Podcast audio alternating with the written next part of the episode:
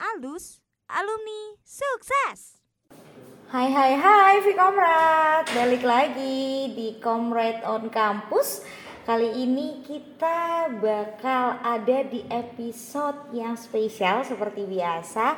Podcast hari ini adalah episode Alus, alumni sukses. Nah, pada kesempatan kali ini kita sudah bersama dengan alumni dari Universitas Ciputra jurusan komunikasi. Eh benar nggak ya jurusan komunikasi? Mungkin kita akan ngobrol lebih dalam dulu kenalannya supaya lebih afdol. Kita bakal sapa dulu nih. Halo Kak Ati atau aku panggilnya siapa ya? Kak Maria. Halo, selamat siang. Selamat siang. Iya. Masih siang kok di sini juga. Nah, sini satu jam. Iya, semoga waktu diupload juga masih siang ya. Oke, namanya bener gak Kak Ati atau Kak Maria atau siapa sih biasanya dipanggilnya? Kalau di kampus sebagian besar panggil Maria, tapi kalau yang sudah kenal lama Ati jadi nggak okay. masalah. Oke, karena semuanya masih namanya ya Vika Berat ya, jadi nggak masalah. Kecuali kita panggil yang bukan namanya Jesselyn gitu nggak nggak noleh itu Kak Ati ya. Oke, okay, hari ini kita bakal ngobrol banyak hal tentang perjalanan karir, tentang gimana sih dunia perkuliahan waktu dulu versus waktu sekarang setelah lulus dari bangku kuliah, dari bangku kampus gitu kan. So, stay tune aja cuma di Comrade on Campus. Oke, okay, kita mulai kayaknya Kak uh, obrolan hari ini dari kenalan dulu ya supaya afdol. Karena kalau kenalan di podcast kita nggak boleh biasa aja, ada templatenya. iya, semua ada templatenya. Jadi bukan cuma nama, tapi harus jelasin juga nama. Sekarang um, kerja apa, terus dulu dari jurusan apa, angkatan berapa um, statusnya apa? Jangan banyak-banyak deh nanti lupa. Oke kak boleh. Nama lengkap saya Maria Kartika Lado teman-teman dan dosen biasanya panggil saya Maria atau Ati. Uh, dulu saya uh, ambil jurusan program studi marketing komunikasi. Uh, waktu itu kita masih bergabung dengan Fakultas uh, Manajemen Bisnis. Jadi jadi satu gitu sebelum sekarang jadi Vkom ya. Kemudian saat ini saya uh, sedang uh, menunggu uh, eh, SK untuk pekerjaan yang baru. Kemudian kemarin uh, ikut tes CPNS di Kabupaten Sika dan waktu itu keterima dan saat ini lagi tunggu untuk uh, penerimaan SK-nya mungkin bulan depan. Uh, kemudian apa lagi ya Kak Mazda? Oke, okay, jadi asal asal asal. Asal, asal oh ya. Asalnya dari uh, Provinsi Nusa Tenggara Timur, NTT, Kabupaten Sika, ya, Omer. Oke, jauh ya. Jadi Vikomrat hari ini bintang tamu kita jauh sekali dan sangat membanggakan sekali. Saya coba-coba stalking merasa sangat minder hari ini sebenarnya Viko Berat ya. Yes gitu. Oke itu tadi ya kenalannya. Semoga puas. Kalau nggak puas langsung aja kunjungi Instagramnya gitu kan. Tapi nanti aja kak di terakhir-terakhir kak supaya mereka dengerin. nah jadi lulus tahun 2015 merupakan angkatan pertama ya waktu itu masih bukan Vkom tuh namanya masih MCM. Nah oke. Okay. Jadi hari ini kita bakal bahas tentang kehidupan kakak sedikit gitu kan. Dulu lulus tahun 2015 2015 tuh kayaknya aku masih kecil deh. Bukan lulus tahun 2015 tapi masuk ke awalnya tahun 2015. Oh, angkatan 2015. Kemudian wisudanya 2019 kemarin. Oh iya, betul. Itu yang betul ya Bekomrat. Nah, 2019 lulus sebagai sarjana manajemen ya? Masih an ya? Iya, manajemen. Karena masih MCM ya. uh, waktu itu belum ada Vcom tapi marketing communication apa ya subjek yang lebih ditonjolkan gitu ya oke okay. oke okay. setelah lulus tuh kak ceritanya setelah itu ke mana kakak atau ngapain setelah lulus saya melanjutkan uh, program magang saya sebelumnya jadi kan waktu itu hmm. uh, kita disuruh magang selama sebulan dan waktu itu saya pilih magangnya justru di tempat asal saya beberapa teman saya kebanyakan masih di Surabaya karena saya uh, jarang pulang liburan jadi ya ngambil kesempatan gitu saat liburan dan saat magang sekalian gitu kemudian saya pilihnya waktu itu di uh, salah satu media lokal di Maumere media cetak namanya Ekora NTT itu koran lokalnya Kabupaten Sika. Dan waktu itu saya uh, magang untuk posisi wartawan. Jadi setelah lulus, karena masih ada koneksi yang baik dan daripada saya menunggu yang lain, mending saya uh, bekerja saja tempat saya magang. Begitu. Oke, okay. jadi menjadi wartawan ya dulu ya kak? Iya, setelah lulus di media cetak um, NTT sana di, di Ekora NTT oke. Kenapa memilih di NTT kak? Sedangkan media cetak di Surabaya juga masih banyak ya kan yang bisa jadi pilihan kak? Kenapa tuh? Uh, kenapa memilih memilih di NTT mungkin karena memang sejak awal waktu waktu ingin berkuliah begitu mendaftar apply uh, beasiswa kan kita disuruh nulis apa namanya satu esai mm-hmm. dan nanti diseleksi begitu sama pihak pemberi uh, beasiswa. Nah di, di esai itu saya nulis kalau uh, nanti setelah wisuda saya ingin ilmu saya saya gunakan untuk uh, saya berguna untuk daerah saya begitu saya makan dari tanahnya minum dari airnya kemudian setelah saya dapat ilmu di tempat lain saya ingin kembali dan berguna lah seperti itu kakak Wah, selain sangat... itu biar lebih dekat dengan keluarga. Sangat mulia sekali ya. Um, gini soalnya fenomena yang sering terjadi banyak sekali. Kita kita paham dan kita harus menyadari bahwa Universitas Ciputra Surabaya sangat amat sangat banyak gitu kan manusia-manusia atau mahasiswa-mahasiswa yang berasal dari aneka ragam budaya Indonesia latar belakang yang ada di Indonesia gitu kan.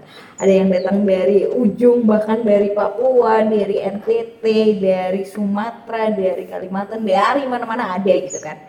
Tapi yang sering kali terjadi orang-orang yang begitu bahkan dari beda provinsi aja nih nggak usah ngomongin jauh-jauh dari beda pulau beda provinsi aja seringnya kalau udah ke Surabaya nyaman. Nggak mau pulang. Tuh ya kan? Seringnya kan begitu ya kak?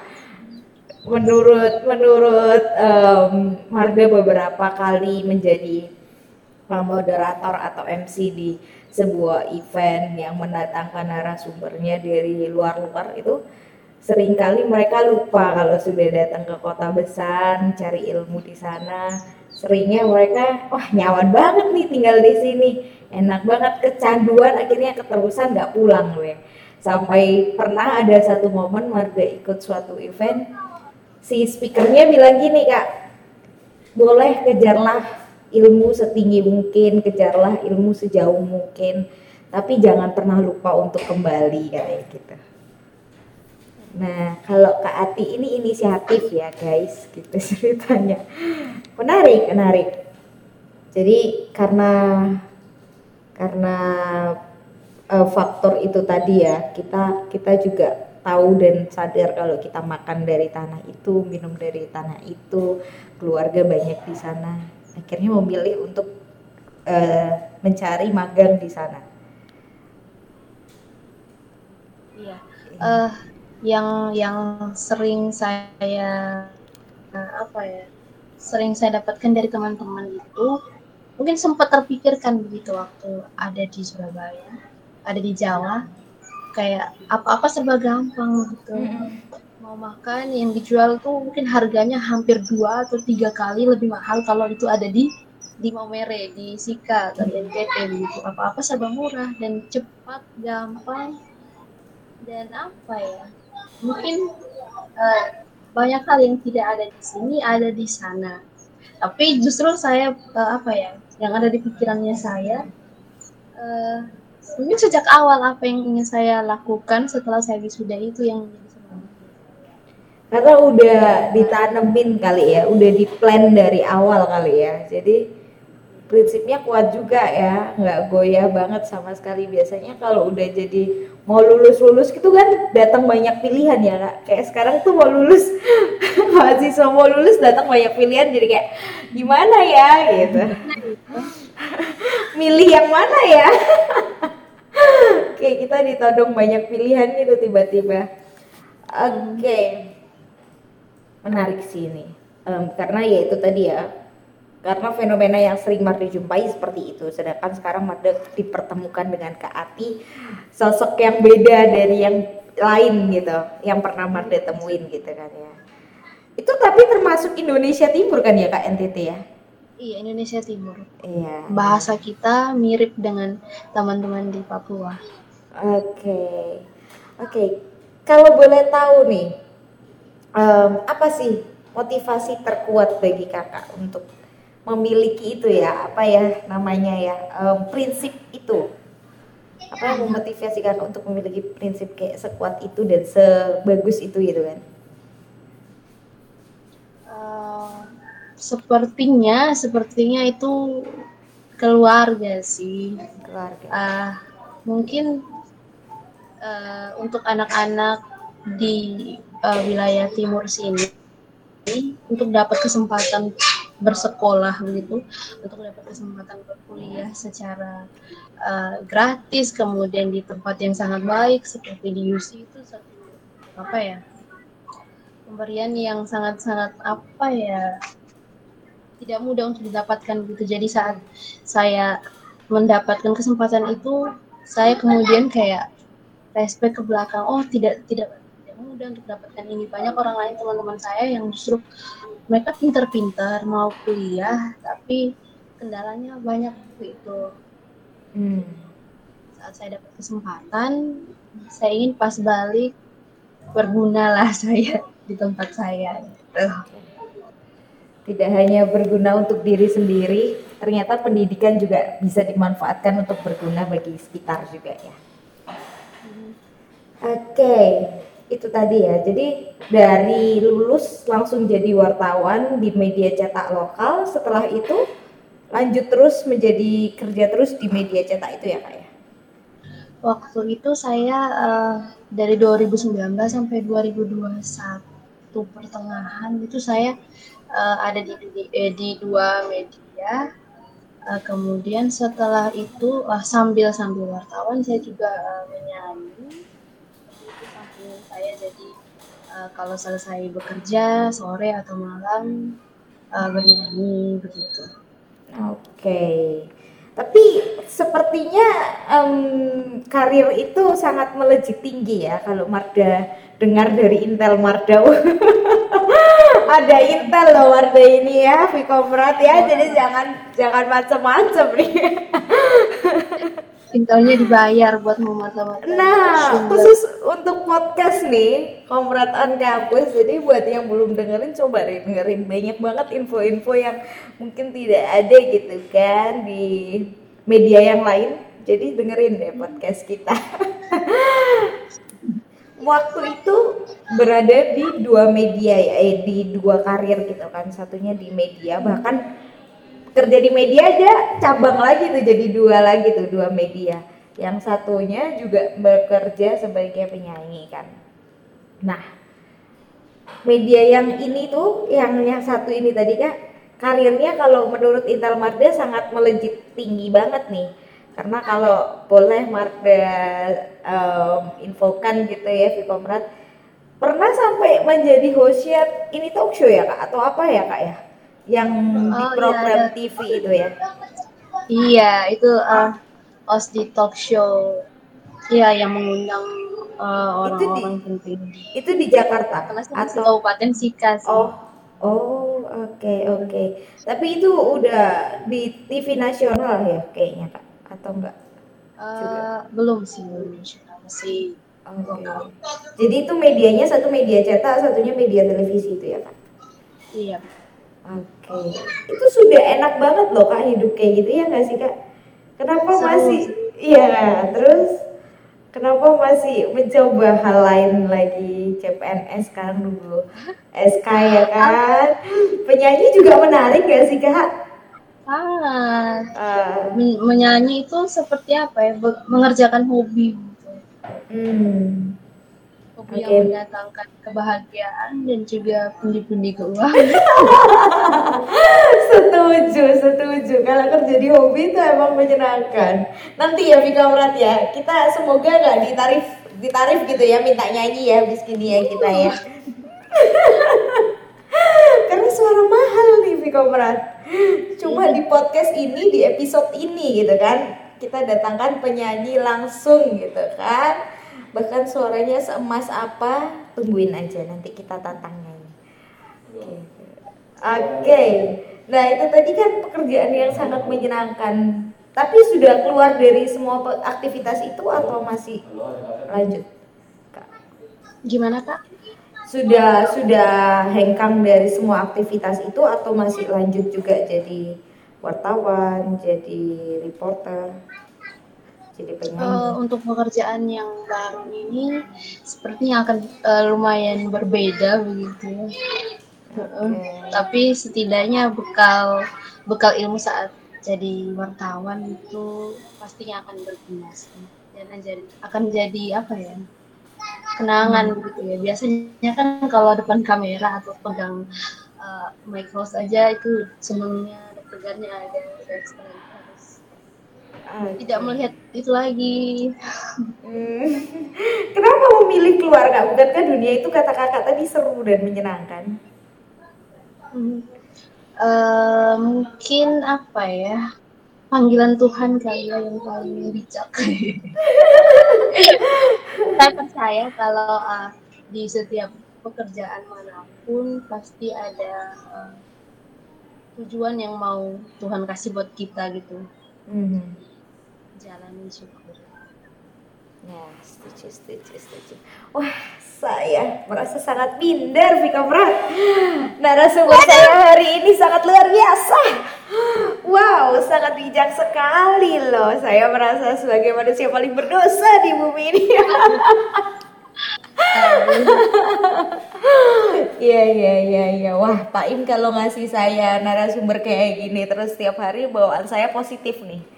Bawaan saya optimis tiap hari ya. Walaupun sudah menjadi mahasiswa tingkat akhir tapi kayaknya oh bisa. Hidup ini bisa. Semoga. tingkat akhir Kak, pusingnya setengah mati Kak. Aduh. Oke. Melihat cerita yang sangat banyak dan sangat membanggakan gitu ya sampai saya aja em, merasa insecure saat ini gitu kan. Tapi saya harus tetap harus menjalankan profesi ini demi menghibur, menemani audiens-audiens saya yaitu Viko Merat ya. Kalau boleh kita flashback lagi ya kak ya, berarti kan dari lulus menjadi wartawan, menjadi reporter, menjadi penyanyi, semua itu ada di dunia media dan entertainment lah. Nah, lulus dari MCM, MCM itu tetap diajarin sedikit-sedikit ilmu Vkom juga kan kak ya? Iya, Seharusnya. sudah Iya. ada tipis-tipis. Ya, oke. Jadi sangat relate ya kak harusnya Betul. pekerjaannya. Nah, terus habis itu kalau boleh ceritain dong kak dulu masa kuliahnya versi kakak tuh, versi MCM soalnya di angkatanku kan kakak lulus angkatanku datang kan, angkatanku datang. Banyak kan teman-teman dari angkatanku waktu kita OWIK itu bilang gini loh, ternyata ini bukan MCM lagi ya, kan aku maunya belajar marketingnya katanya gitu kak. Terus ya udah aku nggak mau aku mau pindah jurusan lain gitu coba kak. Ternyata MCM-nya masih dicintai setengah mati dicintai banget gitu kan. Ya tapi singkat cerita akhirnya dia bertahan mencoba bertahan beberapa beberapa waktu untuk coba mengikuti gimana sih kalau ala Vkom itu gitu kan. Tapi kembali kan ke pribadi atau individu masing-masing gitu sih. Mereka memilih jalan yang mana. Nah waktu itu masih MCM dan boleh nggak diceritain sedikit gimana sih dulu waktu kuliah menjadi salah satu mahasiswa yang datang dari jauh juga ke kota yang cukup pelik ini ya, metropolitan ini ya, sangat luar heb, luar biasa heboh gitu. Nah datang memiliki cerita itu kayak apa kak? Oke, mungkin kalau dari awal ceritanya gini, kita kan dari SMA uh, eh, kita uh, dikasih informasi kalau oh Yusi ada uh, pendaftaran beasiswa gitu. Mm -hmm saya saya dan beberapa teman saya kan ada sebelas yang orang kali. Itu kita keterima waktu itu setelah melalui prosesnya. Kita keterima dan waktu itu yang hubungi kita ada Bu Maya. Bu Maya itu marketingnya sih Bu Maya intens lah ngobrol sama kita kan kita dari luar pulau segala uh, ketidaktahuannya dan uh, seperti apa ya manusia yang baru datang ke bumi ini Oke. Okay. Eh, banyak bertanya ke Bu Maya, oh Bu Maya kalau tinggal di uh, Surabaya, uh, kuliah di Ciputra harus tinggal di daerah mana yang aman gitu. Uh, mahasiswa baru buat kami, ya, seperti kami. Oh ya ada perumahan warga di sekitar kampus, nanti tinggal di situ nanti. Bu Maya dan uh, ada dosen yang membantu kami untuk dapat uh, penginapan gitu, kos-kosan lah. Akhirnya sudah uh, pas tiba pun kita dari pihak Lusinya datang dan menjemput kita di uh, pelabuhan Tanjung Perak. Oh, Ingat pakai jalur itu, jalur ini ya, kapal gitu berarti pakai jalur air, bukan jalur iya. bukan udara ya? Jalur laut. Okay. Uh, kita dijemput, kita dijemput kemudian diantarkan ke kos dan tidak lama setelah itu kita mulai ikut pengenalan ospek ya Waktu itu MCM di angkatan pertama yang dari luar pulau kalau tidak salah saya bersama tiga teman saya lagi. Duanya teman saya dari Mamere yang satunya teman saya dari Mamere duanya itu dari Papua. Kita berempat itu hmm. kami mahasiswa dari timur yang datang ke UC dan mengambil jurusan MCM yang waktu itu kebetulan pertama kita angkatan pertama mm-hmm. mungkin selain kami merasa baru uh, beberapa dosen dosen uh, NCM yang mungkin uh, dosen baru juga itu jadi pengalaman pertama mereka mengajar MCM dengan mahasiswa baru angkatan pertama dan itu rasanya seru pol selain kita numpang di selain kita numpang di fakultas manajemen uh, apa ya seperti trial and error gitu. Oke. Okay. Saat pertama kan kita nggak punya kakak tingkat kakak kelas, hmm. tingkat. Nah, jadi seperti keluarga lah dengan dosen kenapa? Karena para dosen uh, melihat kita seperti teman, lebih ke teman hmm. sih. Saya melihat beberapa dosen seperti teman, kadang mereka bisa jadi orang tua kita. Hmm karena banyak trial and errornya banyak yang ditoleransi ya oh iya deh nilai kali ini nggak apa-apa deh gitu kayaknya begitu ya kak ya jatuhnya ya iya saking bestinya kita oh. Andai sekarang bisa seperti itu lagi. Karena dosen-dosen sekarang kan sudah melahirkan banyak-banyak jiwa ya dari angkatan-angkatan ekspektasinya makin tahun makin tinggi kak. Iya. tuntutannya makin itu. makin luar biasa. Kalau dulu banyak trial and error iya. Duh parah. Kalau dulu iya, banyak trial banyak trial dan errornya bisa dinego ya saya nilai sekarang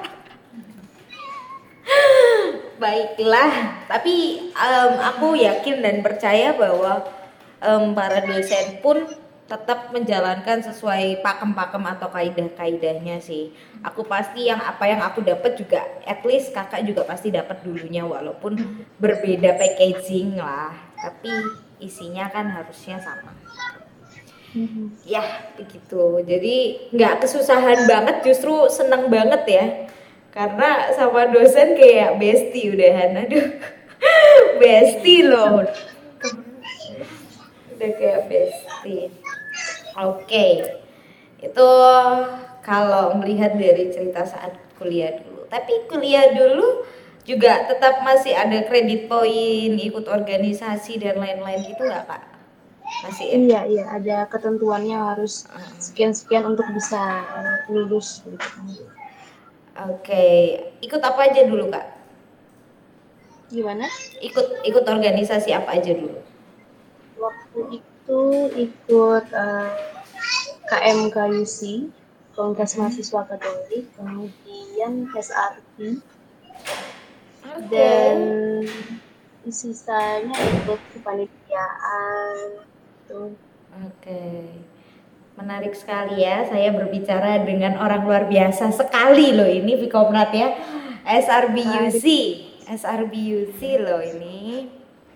Ah, ibaratnya dulu kalau mahasiswa baru tuh memandang SRB itu em, anggota em, paling tinggi lah, organisasi paling tingginya UC.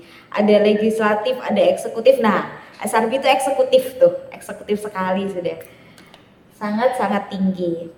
Oke, itu dapat banyak hal dong Kak dari organisasi. Iya, dapat teman-teman baru.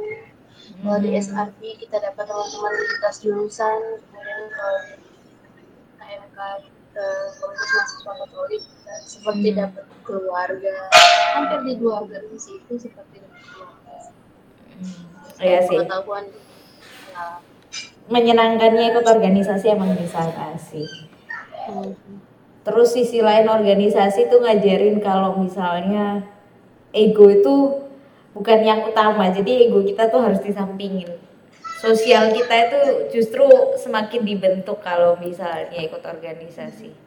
Gitu ya. Benar. Apalagi kalau SRB itu tugasnya melayani aspirasi masyarakat Yusiraya. ya kan ya? Melayani. Aduh waktu itu belum lagi eh wih berat banget nih kak. UC waktu itu SRB-nya lagi ada gerakan underground segala. Luar biasa itu SRB itu ditempa setengah mati. Karena karena waktu itu emang lagi pelik-peliknya ya situasi dan kondisi.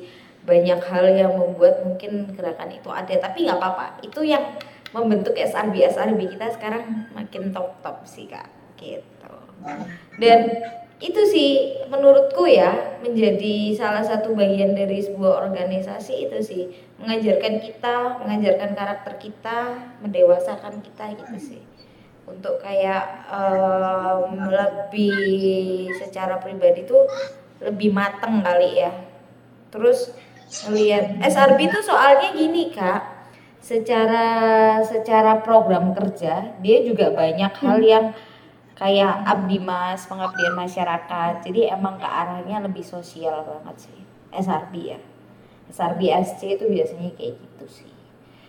Dan biasanya banyak cerita juga yang bilang kalau pengalaman dari sana yang dibawa pulang menjadi sebuah bekal sih untuk melanjutkan next stepsnya jadi apa nih? Kalau jadi intrapreneur aku udah ngerti nih bekerja di dunia em, yang penuh dengan orang lain harus bekerja sama tim dan lain-lain gitu sih. Benar nggak sih kak? Atau aku yang sok tahu? Betul banget, setuju, setuju pengalaman itu. Iya, pengalaman itu sih yang biasanya dipakai cerita sama teman-teman alumni juga gitu. Oke, kalau boleh tahu nih kak ya, karena sangat wise sekali dan social life sekali kakakku yang satu ini, boleh nggak dibagiin? Kenapa sih eh, kakak lebih tertarik cenderung bergerak ke arah bidang sosial? Kenapa lebih sering seneng gitu kan? Kalau tadi ini kan lagi ini ya tes CPNS kan kak ya, berarti kan mau kiranya jadi pegawai negeri gitu kan? Melayani, Juga iya, des menjadi abdi negara guys ya, abdi negara tuh. Coba kurang sosial apa lagi? Menjadi pengabdi negara kurang sosial apa lagi? Oi gitu kan. Nah kenapa kak? Kenapa?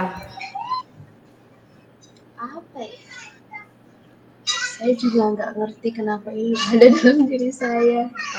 Hanya rasanya menyenangkan sekali kalau uh, ada di tengah masyarakat. Kemudian oh ya selain selain bekerja saya juga bergabung di komunitas anak uh, jadi uh, di komunitas ini hampir 100 anak setiap minggunya tuh kita ada kegiatan seperti bermain belajar uh, kemudian ya banyak aktivitas-aktivitas bersama anak-anak yang tujuannya itu biar uh, anak-anak ini dapat pengalaman yang baik saat umurnya. Baik, baik. Oke, menarik ya.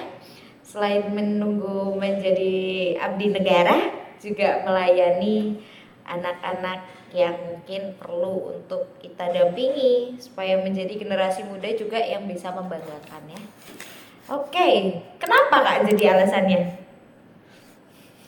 Oh ya, alasannya mungkin lebih ke apa ya? Saya nggak mengerti apa alasannya yang paling. Tapi saat melakukan itu menyenangkan.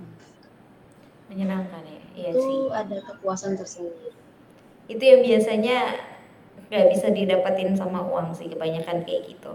Makanya kalau waktu pertama kali Marde masuk UC ini juga nggak sedikit selain entrepreneur-entrepreneur hebat yang dikenalkan juga ada sociopreneur sih kak itu sih yang biasanya kisah-kisah mereka sih yang biasanya kayak apa yang bisa kamu balas dengan kebahagiaan melihat mereka tertawa lepas mereka memiliki skill baru.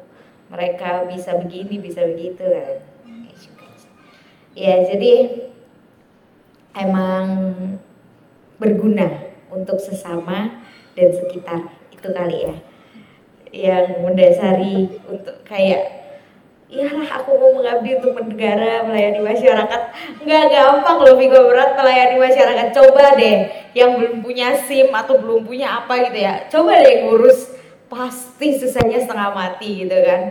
Apalagi menjadi pelayan yang kita yang mau dilayani aja ribetnya setengah mati apalagi mereka yang melayani gitu. hmm. itulah kok acungi jempol. Atau tepuk tangan dulu. Kayaknya udah kali.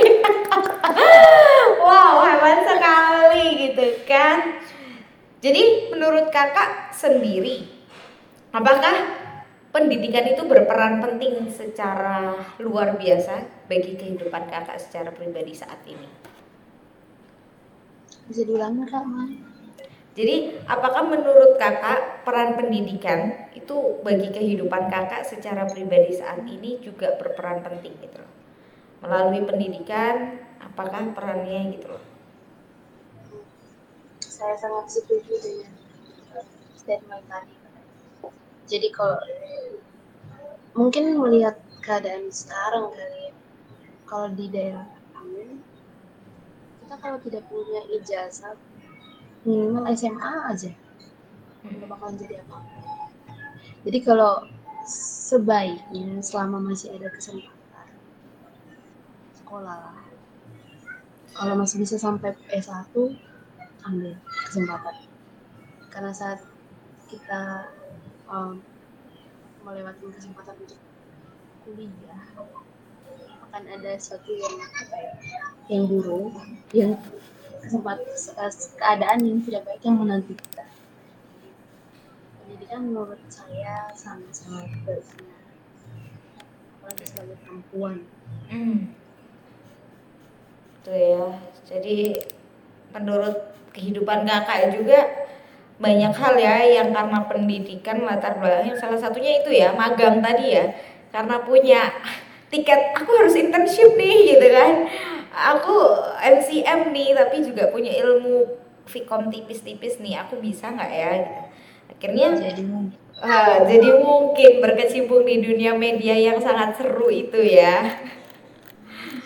Seru loh jadi jadi jadi um, salah satu pelaku media itu. Sebenarnya. Ya ya ya. Jadi pendidikan itu penting apalagi buat cewek. Selama selama masih ada kesempatan ambillah kesempatan. Tuh ya pesannya Vikomrat buat mahasiswa tingkat akhir yang lagi mendengarkan podcast ini mohon di highlight ya ini ya. Pendidikan itu penting. Jadi selagi masih ada kesempatan ambil untuk berpendidikan. Apalagi cewek nih ya. Kenapa kak? Kenapa gitu? Apalagi cewek penting banget untuk berpendidikan. Uh, semakin semakin tua semakin merasa kalau perempuan tanpa pendidikan itu kayaknya akan lebih susah ke depannya. Jadi menurut aku menurut saya dengan pendidikan melahirkan generasi-generasi yang sekiranya baik. Hmm. Saya percaya kalau peradaban kan dilahirkan melalui perempuan. Iya betul, Perempuan yang baik akan melahirkan buah yang baik. Yes, tepuk tangan sekali lagi luar biasa sekali loh. Emang ya, Viko Berat kalau narasumbernya itu udah level up gitu kan ya emang beda kata-katanya langsung menusuk hati gitu kan. Nah peradaban itu lahir dari perempuan-perempuan ya. Oleh karena itu menjadilah perempuan yang berkualitas dan baik maka kau akan melahirkan generasi yang baik. Wih. Ngeri ya. Nah itu dia ya. Karena sebenarnya gini ya perempuan itu adalah salah satu elemen masyarakat yang paling penting justru hmm. mau dalam circle terkecil pun keluarga pun perempuan lah yang memegang peranan yang penting gitu loh. Maka dari itu saat kamu perempuan bisa untuk mengambil kesempatan menempuh pendidikan ambillah. Karena itu tidak hanya menguntungkan dirimu sendiri percayalah tapi juga menguntungkan untuk sekitarmu. At least untuk keluargamu. Karena ada kala mereka itu perempuan-perempuan sering disepelekan oleh dogma kak, atau paradigma gitu kan kayak ngapain? Ngapain sekolah tinggi-tinggi? Ujung-ujungnya ke sana. Ujung-ujungnya juga gini sekolah tinggi kan gak begitu juga kayak gitu kan. Nggak begitu guys. Nggak begitu ladies ya. Karena kita cewek pun kita tetap perlu punya tanggung jawab nantinya saat kita melahirkan melahirkan um, generasi muda atau anak-anak itu kan kita juga perlu mengajari mereka yang baik lah kalau kita nggak bisa ngajarin terus siapa yang ngajarin gitu kan that's why jadilah ibu yang baik untuk bisa melahirkan anak-anak yang baik. Wih, quotes of the day ya. Nanti saya tulis di caption ini ya. Mohon diingat ya. Oke. Okay. Apa kak? Ya, dan hal dan dan hal ini kalau di wilayah timur gitu ya itu budaya kita tuh kan budayanya sangat patriarkal di mana laki-laki gitu dengan sangat mudah sekali melakukan penindasan terhadap perempuan dan banyak hmm. kekerasan yang bisa terjadi ke perempuan dan anak di, hmm. di sini bukan tiap hari kalau kita baca koran atau media mana pun di sini pasti ada kekerasan perempuan terjadi jadi saya sangat mensupport perempuan-perempuan yang mau bersekolah gitu. Dan kalau ada kendala selama saya bisa bantu saya bantu. Hmm yes setuju banget setuju. Kalau enggak nggak bakal dibantu juga Marda hari ini podcast ya. Sudah datang kalau hadir meluangkan waktu ya kan? Dengan kata-kata aku tuh jujur banget ya Vika ya jujur banget nih kak aku tuh dapat nama kakak terus aku disuruh stalking. Karena Pak Im aja sudah sampai speechless gitu kan. Udah deh Marda kamu stalking sendiri siapa dia katanya gitu. Oh iya Pak saya stalking. Semakin dalam saya stalking semakin saya insecure. Waduh bagaimana saya berbicara dengan uh, perempuan hebat ini gitu kan? Wartawan iya. Muncul di mana-mana iya. Ini udah bukan kelas saya harusnya Pak Ibu untuk mewawancarai dia waktu konten apa yang harus saya bawa? Saya bilang gitu. Ya udah bawa ini aja Marda ini menarik sekali. Terserah kamu nanti selebihnya. Katanya saya cuma titip pertanyaan ini aja. Oke okay, Pak. Emang ya ini ya kalau aku boleh ngomong ya Fukomrat ya ini ya yang membedakan bagaimana kita bertutur apa yang kita keluarkan saat tuturan itu ada itu juga bisa membedakan orang ini ada isinya apa enggak orang ini berkualitas apa enggak pendidikan mereka bagaimana gitu. Karena dari situ aja terlihat apalagi perilaku ya semakin terlihat sekali gitu. Dari, dari cara kita bertutur aja kelihatan. Makanya itu kayak wah kakak ini hebat sekali gitu kan. Sudah saya speechless aja deh. Nggak komen deh. Terakhir deh apa kak tips yang bisa dibagikan mungkin buat teman-teman sekalian gitu kan? Untuk gimana ya supaya mereka itu juga selain dapat menimba ilmu, menerima kesempatan sebanyak-banyaknya untuk menempuh pendidikan gitu kan. Tapi juga tidak lupa gitu kan untuk kembali pulang dan berguna untuk sesama, untuk lingkungan sekitar. Apakah yang bisa dibagikan? Hmm, sepertinya apa ya? Mungkin saya tidak bisa memaksa setiap orang untuk melakukan apa yang saya lakukan. Gitu. Cuman uh, pasti nanti kita punya punya apa ya?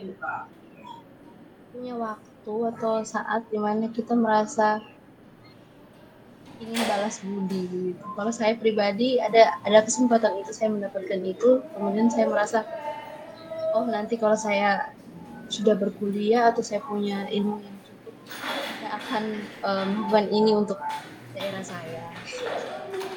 Uh, saya ingat sekali waktu itu di pelajaran entrepreneurship. Waktu saya ambil social entrepreneur dan uh, di sana salah satu dosen fasilitator uh, bertanya uh, nanti kalau setelah kuliah kamu pengen ngapain gitu. Saya cuma jawab gini, Bu, di daerah saya uh, mungkin tidak hanya anak-anak uh, di bawah saya yang uh, tidak hanya anak-anak di bawah saya, tapi teman-teman saya yang sepantaran saya punya uh, kesulitan ya berbicara itu susah begitu.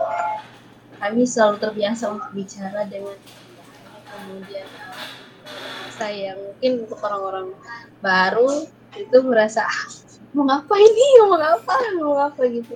Jadi kalau saat saya kembali mungkin saya bisa bantu mereka untuk oh ternyata begini. Kalau ngomong dengan orang baru itu tidak tidak harus malu atau gagap sendiri begitu.